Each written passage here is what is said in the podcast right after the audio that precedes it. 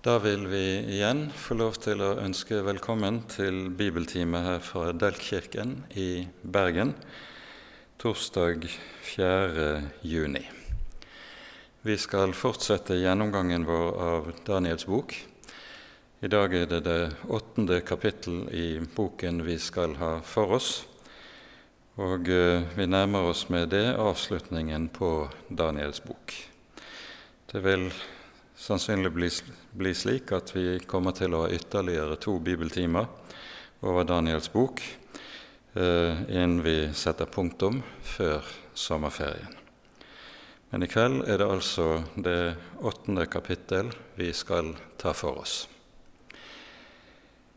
Vi ber sammen før vi går inn i bibelteksten. Hellige Herre Gud.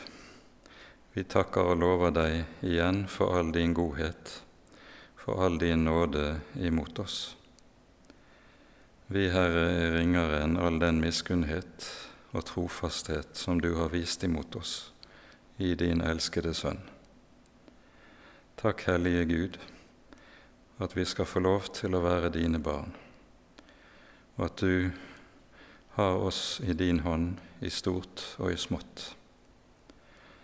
Takk, Herre Jesus, at du står inne for vår frelse med ditt eget liv og ditt eget blod, og at du er trofast inntil enden. Takk at du på ny og på ny sender ut din Hellige Ånd for at ditt folk skal bli bevart, få lov til å se deg og din herlighet i Ordet. Nå ber vi, gode Herre, at du vil være hos oss med din ånd denne bibeltimen.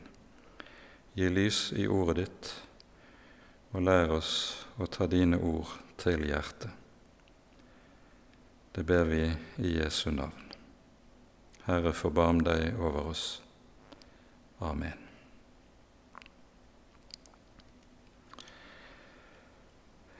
Når vi i dag beveger oss inn i det åttende kapittel i Danielsboken, så beveger vi oss inn i et avsnitt som må sies å være en utdypning av det som vi hørte i forrige bibeltime, fra det syvende kapittel, der vi hørte drømmesynet om de fire villdyrene som stiger opp av havet. Disse fire villdyrene de var like som vi hører det i det andre kapittelet i Danielsboken, bilder på fire påfølgende verdensriker, der det fjerde villdyret er det romerske riket. Og vi hører også der hvorledes eh, det på ruinene av det romerske riket i de siste dager skal fremstå den skikkelsen som Det nye testamentet kaller for Antikrist, eller lovløshetens sønn. Når vi nå går inn i det åttende kapittel, så er dette altså et kapittel som utdyper en del av det som vi hører i det syvende kapittelet. Vi hører om det andre og det tredje av disse fire verdensrikene. Og det åttende kapittel beskjeftiger seg først og fremst med Israels folks eh, skjebne i denne perioden, ganske særlig henimot slutten av perioden med det tredje verdensrikets tid. I og med at Danielsboken nå beveger seg over til å tale først og fremst om Israels folk, så går også boken over fra eh, å tale arameisk, som eh, hovedsakelig har vært språket i boken frem til og med det syvende kapittel, så er det nå fra og med det åttende kapittel så er boken skrevet på det hebraiske språk. Og Det henger altså sammen med at det nå først og fremst dreier seg om Israels folk og deres fremtid deres nærmeste fremtid, må vi si. Med disse innledende ordene tar vi nå og leser det åttende kapittel i sammenheng.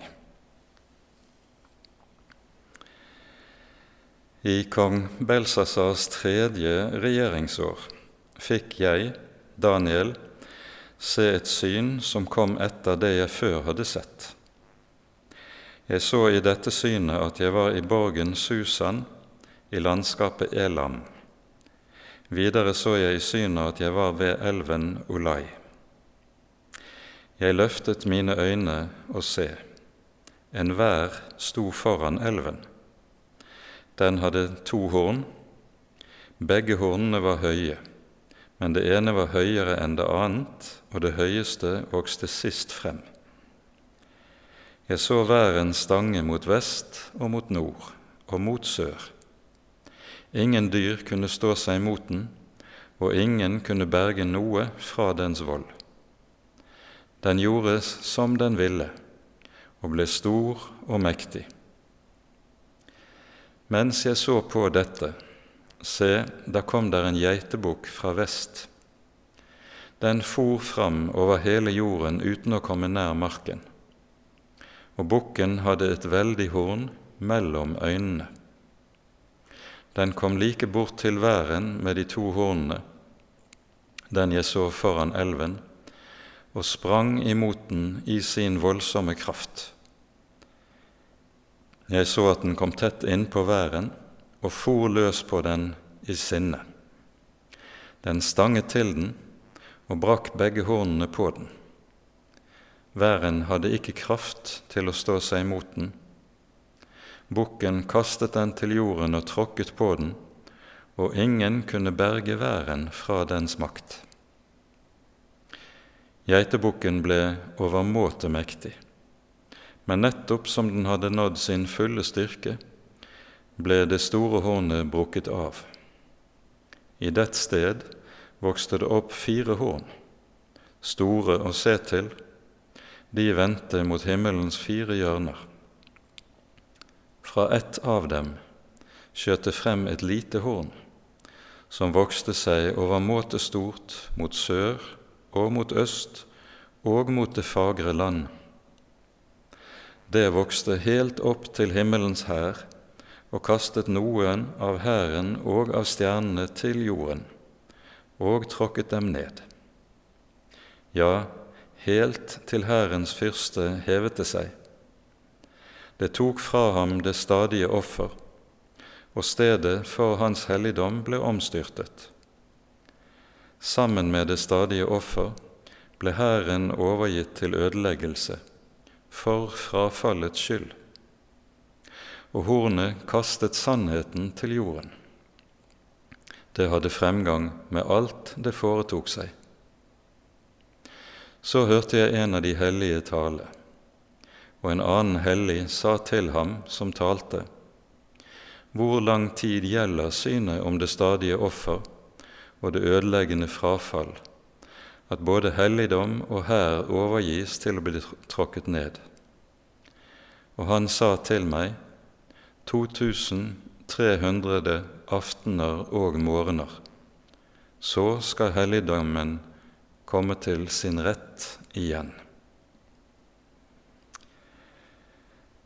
Da jeg, Daniel, hadde sett dette synet og søkte å forstå det, se, da sto det med ett foran meg en skikkelse som så ut som en mann. Og jeg hørte et menneskes røst mellom Olais bredder. Han ropte, Gabriel, forklar synet for ham. Så kom han til det stedet hvor jeg sto.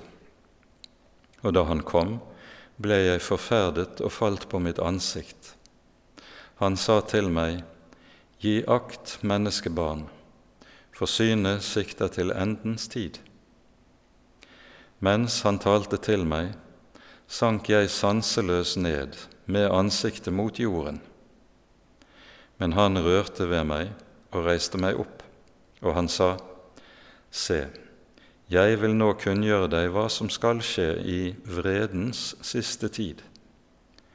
for synet sikter til den tid som er fastsatt for enden. Væren som du så, den med de to horn, er kongene av Media og Persia. Den raggete bukken er kongen av Grekenland, og det store hornet mellom dens øyne er den første kongen. Når dette hornet ble brukket av, og det kom fire andre i dets sted, så betyr det at fire kongeriker skal oppstå av hans folk, men ikke med hans kraft. I den siste tid av deres herredømme, når overtrederne har fylt sine synders mål, skal det stå frem en konge med frekt ansikt og kyndig i onde råd. Hans makt skal bli stor, men ikke ved hans egen kraft. Han skal gjøre fryktelig stor skade og har fremgang med alt det han foretar seg. Mektige fyrster og de helliges folk skal han ødelegge. Fordi han er klok, skal hans svikefulle fremferd lykkes for ham. Han skal opphøye seg i sitt hjerte. Mange skal han ødelegge i deres trygghet. Ja, mot fyrstenes fyrste skal han sette seg opp, men uten menneskehånd skal han bli knust. Synet om aftener og morgener som det var tale om, er sannhet. Men gjem du synet, for det sikter til en fjern fremtid. Men jeg, Daniel, ble rent avmektig, og jeg ble syk i mange dager. Så sto jeg opp og gjorde min tjeneste hos kongen. Jeg var forferdet over synet, men det var ingen som forsto det.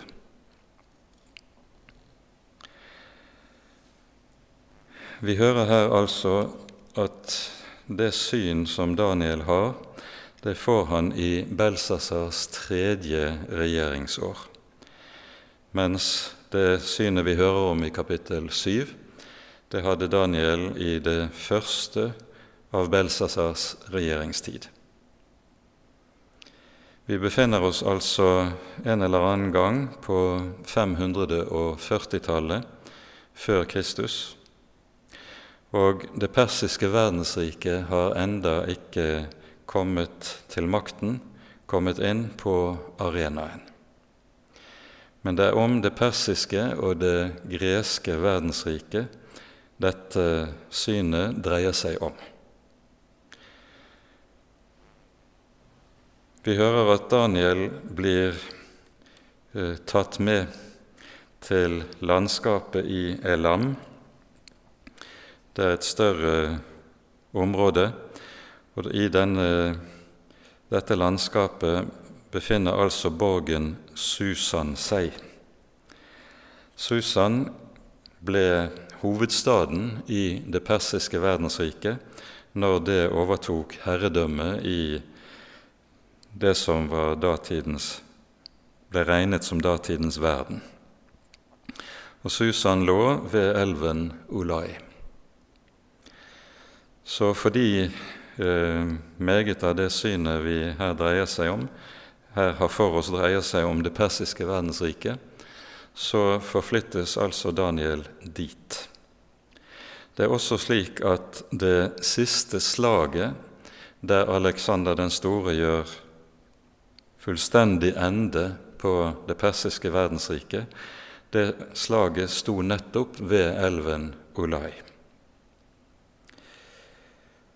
Når det persiske verdensriket tegnes under bildet av en mektig vær med to horn, så er det interessant å vite om at eh, den persiske storkongen, når han dro i strid, så hadde han bilde av en vær på hjelmen sin. De to hornene beskrives nærmere. Det første hornet som vokser frem, det er kongen av Media, som altså er Darius, mens det neste hornet som vokser frem og er større, blir meget, meget større, det er Kyros av Persia. Og Det persiske verdensriket bestod egentlig av et dobbeltkongedømme, av en allianse mellom det mediske og det persiske verdensriket, der det mediske riket først hadde Darius som sin leder, men bare etter to år erstattes han av og etterfølges han av kong Kyros. Og det blir den persiske kongerekken som etter dette har makten. Derfor er de to horn eh, tegnet på denne måten.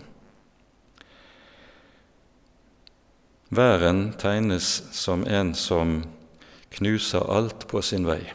Den stanger mot nord, mot vest og mot syd, men ikke mot øst, fordi den selv kom, nettopp kommer fra Østen. Men alle rikene i nord, syd og vest underlegges det persiske verdensriket, og ingen var i stand til å stå seg mot det før Aleksander kommer på banen. Riktignok prøvde perserne på, fra midten av 400-tallet før Kristus også å ekspandere vestover og erobre Grekenland. Disse krigene hører vi om i det gamle Europas historie. Det maktet det persiske verdensriket ikke. Så kommer det altså en geitebukk springende. Den er bare ett horn og den springer så fort at den ikke rører ved bakken. Og Nettopp dette er bildet på Alexander den stores uhyre raske erobring av hele datidens kjente verden. Han drar ut på sin, sin hærtog når han bare er 19 år gammel, og slår de persiske hærene allerede meget tidlig i det som i dag er det vestlige Tyrkia, men det persiske verdensriket er ikke overvunnet bare med ett slag. Det skal mer til. Um, og han beseirer Persia endelig, altså ved slaget ved elven Olai, og kommer så til å leve ytterligere bare tre år etter at han har beseiret Persia. Han dør bare 32 år gammel. Som nevnt i forrige bibeltime så etterfølges han fordi han ingen livsarvinger har. Så etterfølges han av sine fire generaler. Og disse deler hans rike mellom seg i fire kongedømmer. Og de to viktigste, de to mektigste i dette, det er det syriske kongedømmet, der Seleukos, generalen Seleukos, er den som uh, har makten. Han, uh, og Derfor kalles hans rike ofte det selaukidiske riket. Det andre virkelig stormakten av disse fire blir det egyptiske riket, der er det generalen Ptolemeus som får herredømme, og dette riket kalles ofte da det ptolemeiske riket. Og Det syriske og det, og det egyptiske riket kommer til stadig å ligge i strid med hverandre. Hvilket innebar at Israels landområde meget ofte ble da oppmarsjområde for hærene fra disse to maktene. Nå er det slik med det vi hører i kapittel 8, at det vi hører om eh, det persiske og det Alexander den stores greske rike, det er egentlig bare forord til det som er hovedtema her i kapittel 8. Hovedtemaet er det siste hornet som vokser opp av det fjerde hornet. Dette sikter til den veldige trengselstid som Israel skal oppleve under nettopp denne kongens herredømme. Det er en trengselstid som kommer til å sette meget, meget dype spor etter seg i Israel og det jødiske folk, noe vi kommer tilbake til etter hvert. Men det er altså denne trengselstiden under dette lille horn som vokser frem, som eh, er tema og hovedtema i dette kapitlet. Den tid vi da er inne i, er en periode som strekker seg fra år 175 til og med år 163 før Kristus. Da kommer det en mann på tronen i det syriske riket som heter Antiokus den fjerde. Eh, og han får, eller han tar, rettere sagt, tilnavnet Epifanes, som betyr 'den strålende'.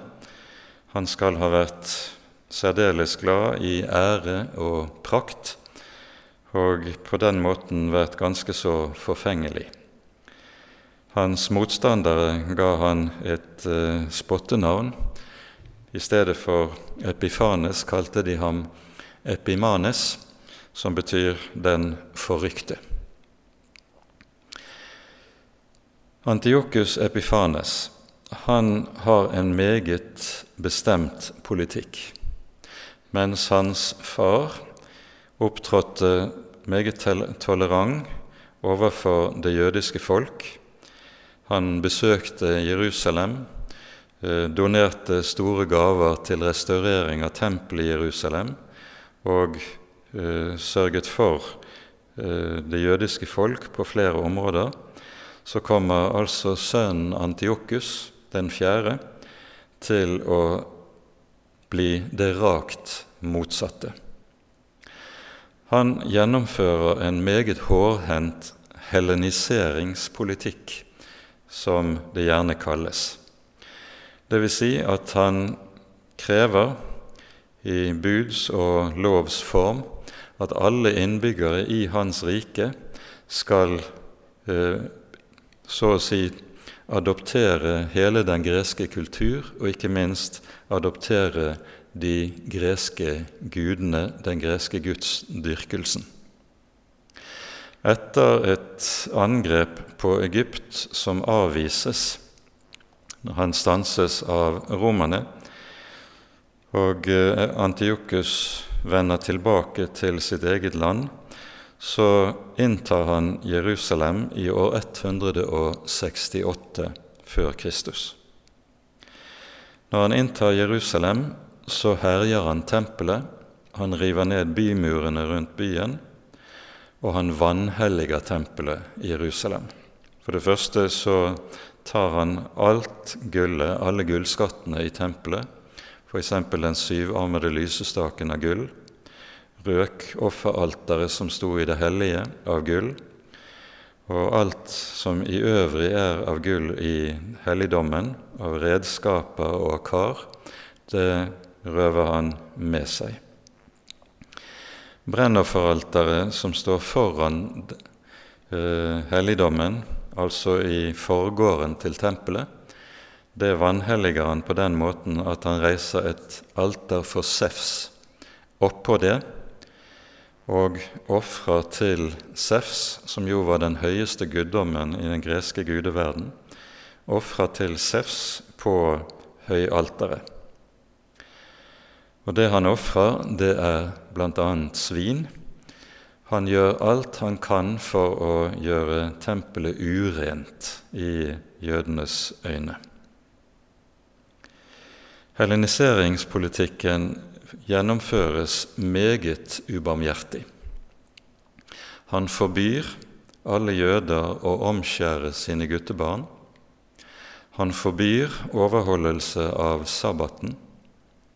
Og de som overtrer disse forbudene til kongen, de blir henrettet uten noe om og men. Likeledes prøver han å oppspore alt som finnes av skriftruller av de gammeltestamentlige skrifter, og får dem brent. Så dette er en veldig martyrtid og en veldig forfølgelsestid for de troende jøder. Men vi skal legge merke til en sak som nevnes i teksten her. Det sies i det tolvte verset sammen med det stadige offer ble hæren overgitt til ødeleggelse for frafallets skyld. Det har i perioden forut for dette foregått et veldig frafall i det jødiske folk.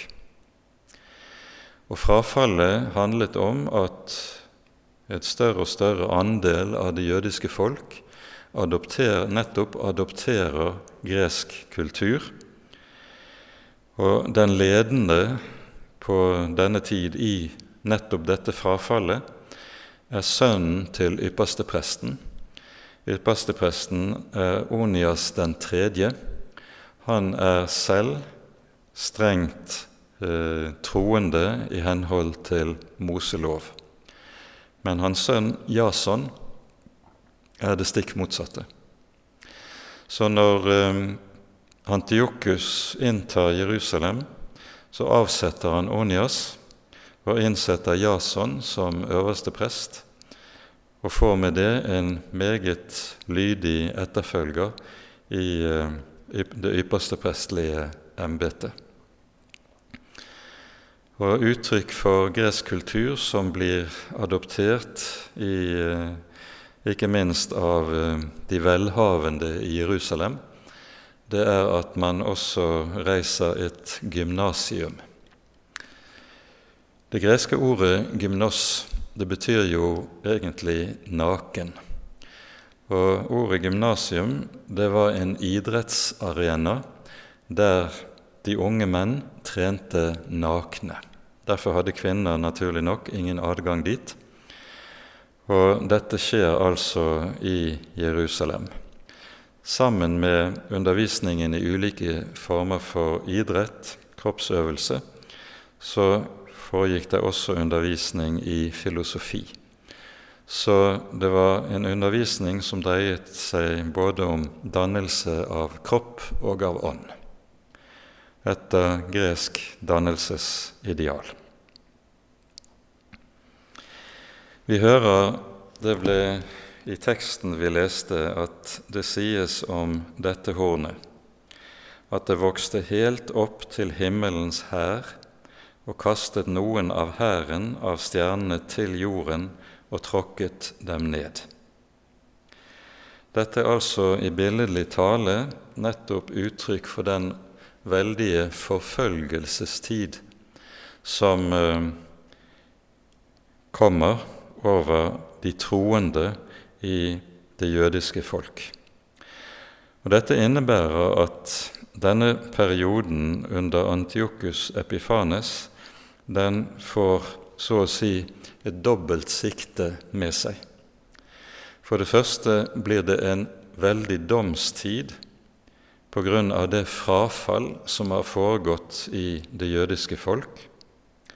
Og for det andre blir det en veldig renselsestid og lutringstid for de som ikke bøyer seg for Antiokus eh, religionspolitikk, men holder fast ved Moselov og ved Herren, Israels Gud.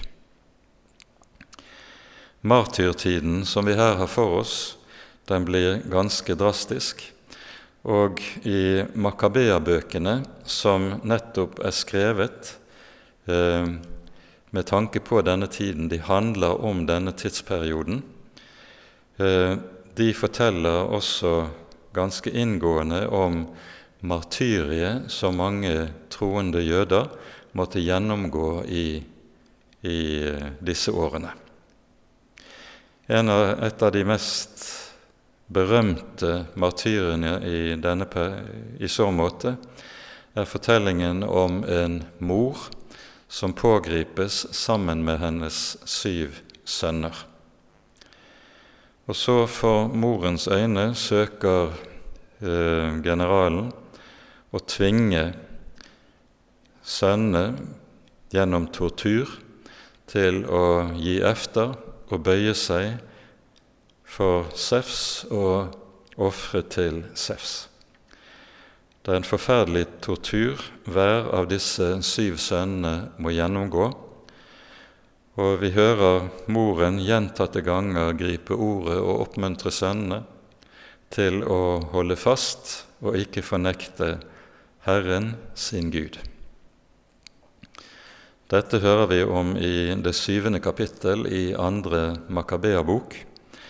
Eh, Makabeabøkene er jo skrevet altså nettopp om denne tiden, og de er å finne i apokryfene, de gammeltestamentlige apokryfene, som her i Norge kom i ny utgave i fjor.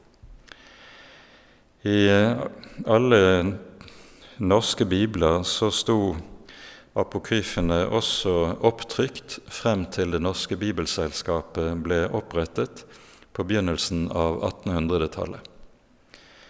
Men eh, da Det norske bibelselskapet ble opprettet eh, og startet trykking av bibler, så var det uten apokryfene. Årsaken til dette var at Det norske bibelselskap ble startet med støtte fra det britiske bibelselskap.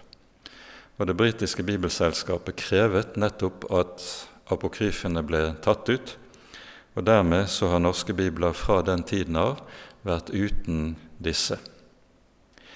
Apokryfene er en gruppe skrifter som eh, ble til i perioden mellom Det gamle og Det nye testamentet. Um, og de historiske skriftene i, uh, blant apokryfene, det er først og fremst altså første og andre Makabea-bok. Bøkene er oppkalt etter Judas Makabeus. Som eh, han var sønn eh, av en av prestene i Jerusalem, Matatias. Han hadde fem sønner, og eh, de reiser en motstandsbevegelse mot Antiokus Epifanes. Og trass i at de både er få og underlegne militært sett, greier de etter hvert å slå Antiokus hærer i en rekke slag. Dette fører til at etter at Antiokus ble drevet på flukt, så innvies tempelet i Jerusalem på ny. Det renses for all urenheten som Antiokus har brakt inn, og helliges på ny. Og eh, når eh, tempelet helliges på ny, og en skal tenne den syvarmede lysestaken, så er folket så utarmet under de trengslene som har vært, at det ikke er tilstrekkelig olje til å holde eh, lampen, lampene brennende i de syv dagene innvielsen og helligelsen av helligdommen skal skje. Og Så beretter da historien at Gud lot det under skje at selv om det ikke var olje til mer enn én dag, så lot Gud oljen vare i alle de fulle syv dager som innvielsen varte. Og Dette er bakgrunnen for eh, at jødene feirer den høytid som heter chanukka. Den feires rundt eh, vår juletid, og eh, en tenner da i jødiske hjem chanukka-lysestaken, som har åtte lys. Den eh, minner om at lysene ved innvielsen brant i hele åtte dager, slik at helligelsen av og gjeninnvielsen av tempelet kunne skje i henhold til forskriftene i Guds hellige lov i Mosebøkene.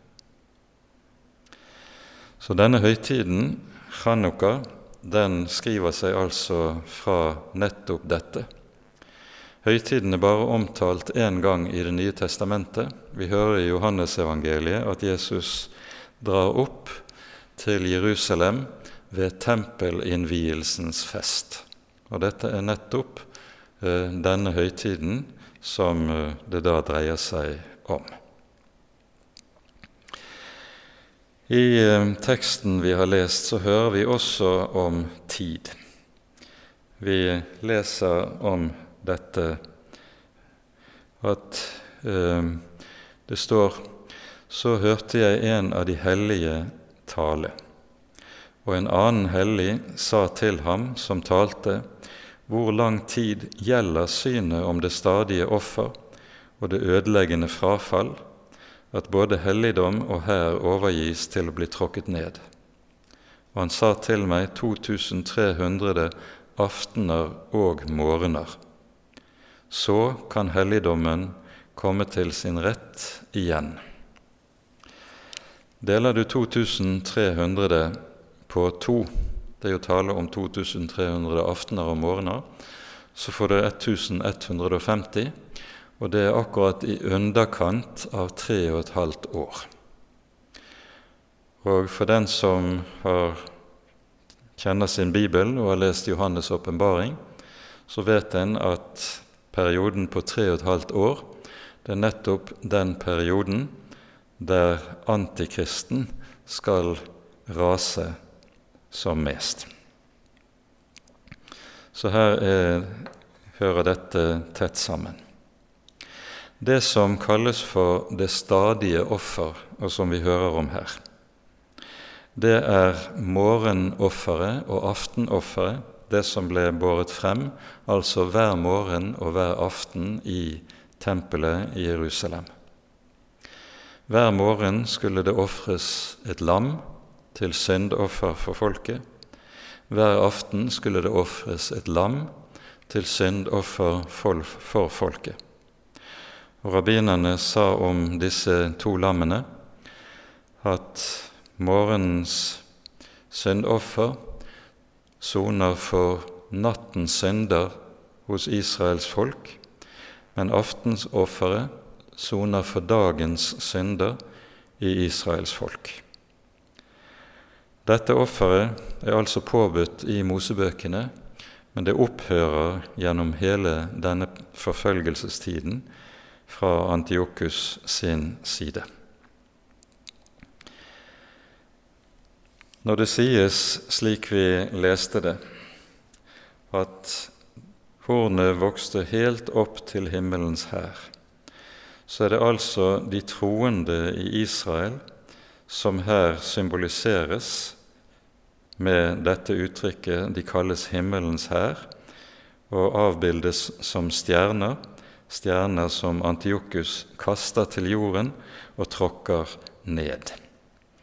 Dette er bildet på den forfølgelsestiden som vi altså har talt om. I tillegg sies det at Antiokus også helt til hærens fyrste hever seg. Det betyr at det regimet som eh, Antiokus representerer, og den religionspolitikken han søker å gjennomføre, den er først og sist diktert av fiendskap mot Israels Gud, mot Israels hellige. Og Det dette innebærer, er at Antiokus, med alt det vi hører om ham, kommer til å bli Det gamle testamentets antikrist. Hornet som han symboliseres med her i kapittel 8, det er viktig å være oppmerksom på det er ikke det samme horn som vi hører om i det syvende kapittel. Det horn vi hører om i det syvende kapittel, det vokser frem på ruinene av det fjerde verdensriket, på ruinene av det romerske riket. Mens det horn vi altså her hører om, det vokser frem i perioden i forbindelse med det tredje verdensriket, det greske verdensriket, som altså på denne tid er delt i fire.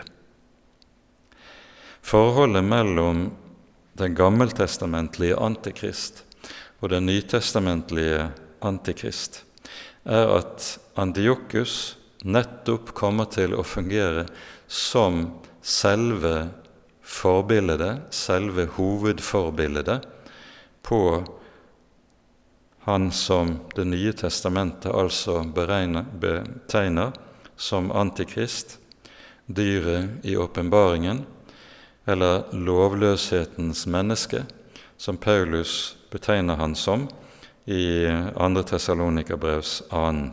kapittel. Når det sies om uh, denne tiden, som vi hører det i vers 23, uh, eh, så står det der i den siste tid av deres herredømme, når overtrederne har fylt sine synders mål, skal det stå frem en konge med frekt ansikt og kyndig i onde råd. Det sies også om uh, denne tid, det sies i det 19. verset, at dette er en vredens tid. Jeg vil kunngjøre deg hva som skal skje i vredens siste tid. Det uttrykket betyr altså at dette er en tid der Guds vrede kommer over Guds eget folk av det frafallet som vi har, allerede har beskrevet. Og Dette frafallet har altså nådd til et ytterpunkt der Guds langmodighet er slutt. Og det, Dette uh, betegnes ved hjelp av dette uttrykket. Det står at de har fylt sine synders mål. Dette er et uttrykk som anvendes et par ganger i vår bibel. Og Det er viktig å være oppmerksom på det. Vi møter det i Første Moseboks 15. kapittel, når Herren i forbindelse med inngåelsen av pakten med Abraham lover at Abrahams etterkommere, Abrahams slekt, skal få komme inn i eh, Kanans land og ta Kanans land i eie. Men så skal det ikke skje før det er gått 400 år. For de, sies det, kananittene har enda ikke fylt sine synders mål. Det er megen synd, det er megen ondskap, det er megen ugudelighet som gjør seg gjeldende blant kananittene, men denne har altså ikke nådd det punktet der Guds langmodighet er slutt. Men når målet er fullt, da griper Gud inn. Da gjør, bryter Guds vrede ut, og han skrider til dom over disse. Og det er nettopp en slik domstid vi står overfor i Israels folk. Og det at Guds dom ikke bare rammer de ugudelige, men også rammer helligdommen, tempelet, det henger sammen med det som vi ser ved flere anledninger i Israels forsfallstider i Det gamle testamentet at offer, nemlig det at offertjenesten blir misbrukt. Vi hører kanskje mest karakteristisk om det hos profeten Jeremia i eh, det syvende kapittelet i hans bok. Her sies det slik fra vers 8 til, eh, fra Herren til folket. Se, dere fester lit til løgnaktige ord, til ingen nytte. Hva så? Dere stjeler, dere slår i hjel.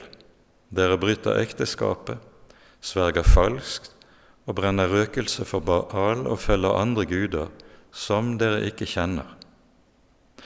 Og så kommer dere og står frem for mitt ansikt i dette hus som er kalt med mitt navn, og sier:" Vi er frelst. Og så vil dere fremdeles gjøre alle disse motbydelige gjerninger.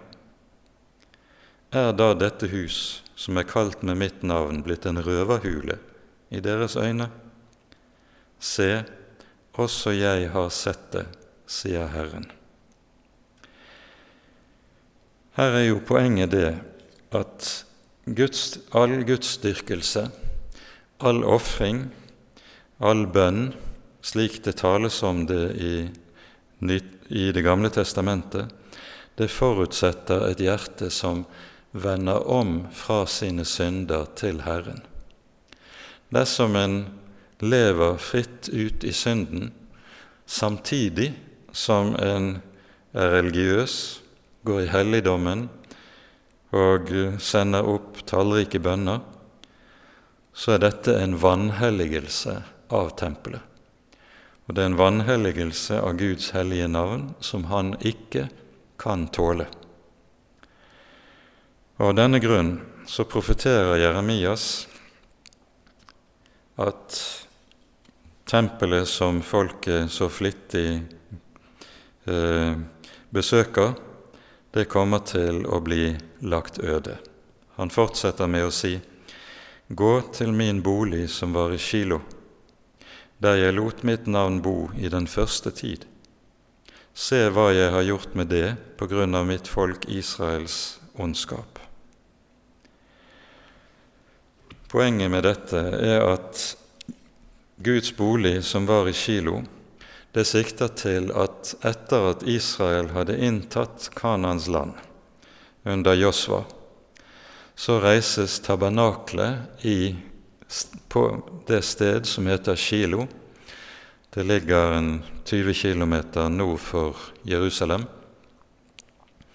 Og Der blir tabernaklet stående fast som helligdom gjennom hele dommertiden.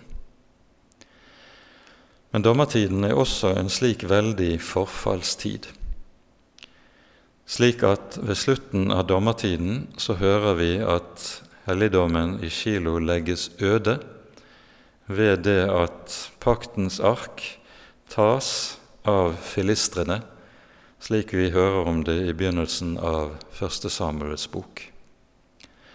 Og Nå profeterer altså Jeremias at på samme måte, på tilsvarende måte, så skal tempelet ødelegges av babylonerne, noe som nettopp skjer i år 587. Det er den samme dom fra Gud som nå rammer helligdommen av frafallet i forbindelse med Antiokus, konge, konge og regjeringstid.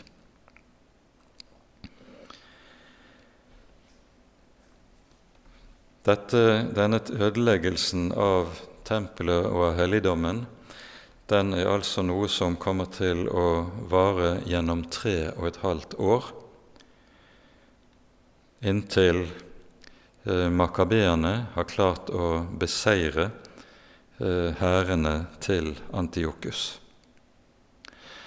Antiokus var så forfengelig at dette innebar at han ikke lenger orket å prøve seg med noe militært nærvær i Palestina, så han reiser i stedet østover for å herje og hærta eh, de deler av Persia som var falt ut av hans rike.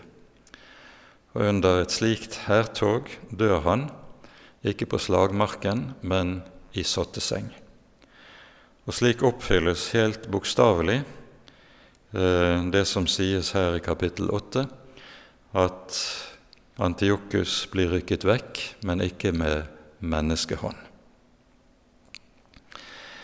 Krigen ved makabeerne kommer til å fortsette også i en årrekke etter at eh, Antiokus er død, men føres frem til endelig seier men det er en lang lidelsestid for Guds folk. Det er en martyrtid, som altså, som vi nevnte innledningsvis, også blir en lutringstid for Guds folk, for de trofaste i folket. Om dette leser vi i Salmenes bok parallelt i Salme 66. Her hører vi om de trengslene som Israels folk var utsatt for i Egypt. Og så sies det slik, Salme 66.: du prøvet oss, Gud. Du renset oss like som de renser sølv. Du førte oss inn i et garn, du la en tung bør på våre hofter. Du lot mennesker fare frem over vårt hode. Vi måtte gå gjennom ild og vann. Men du førte oss ut til vederkvegelse. Jeg vil gå inn i ditt hus med brennoffer. Jeg vil gi deg det jeg har lovt. Nettopp dette er det som eh, folket altså opplever i denne tiden. Og de martyrfortellingene som vi finner særlig i andre Makabeabok, de kommer til å bli uhyre viktige for ettertiden. For det første kom disse fortellingene til å bli svært betydningsfulle for de første kristne martyrene under Romerrikets periode. Men samtidig også for det jødiske folk i de mange lidelser de måtte gjennom opp gjennom hele middelalderen og frem til vår egen tid, så har nettopp disse tekstene, martyrtekstene, i andre Makabea-bok vært helt sentrale som så å si forståelsesramme og som trøstetekster til, eh, for Guds folk. Den annen følge som kommer av denne trengselstid og trengselsperiode i eh, det gammeltestamentlige Israel, er at fra denne tiden av, fra Makabea-tiden av, så vokser det frem det du nærmest kan kalle for en slags indremisjon i det jødiske folk. Denne indremisjonen møter vi i eh, det nye testamentet som fariseerpartiet. Og det som var uh, fariseerpartiets målsetting og store oppgave, det var at det jødiske folk i alle ting, i stort og i smått, skulle innrette sitt liv, hele sitt liv og hele sin hverdag etter Guds ord etter Guds hellige lov, som var dem overgitt av Moses. Og Fra denne tiden av er det at det vokser frem eh, den institusjonen som kommer til å bli så betydningsfull i det jødiske folk i alle de påfølgende århundrer, nemlig rabbin, den rabbinske lærestolen og rabbinske læresetet. Fariseismen utvikler seg etter hvert på en måte som kommer til å gjøre at den blir til, kommer i den ulykkelige stilling at når Jesus kommer, så blir det hans fremste fiende. Men det er noe vi ikke skal ta for oss i kveld. Men det hører altså med til en del av følgehistorien av det som skjer i denne perioden. Makabeatiden er med andre ord en uhyre sentral periode i eh, det gammeltestamentlige Israels liv og historie. En periode som legger mange av de viktigste forutsetningene for det som vi kommer til å møte når Det nye testamentets tid rinner og Jesus og apostlene kommer inn på arenaen. Med dette setter vi punktum for kveldens bibeltime, og vi vil neste gang ta for oss det niende kapittel, som kanskje er det viktigste kapittelet i hele Danielsboken. Ære være Faderen og Sønnen og Den hellige ånd som var, er og være skal, en sann Gud, høylovet i evighet. Amen.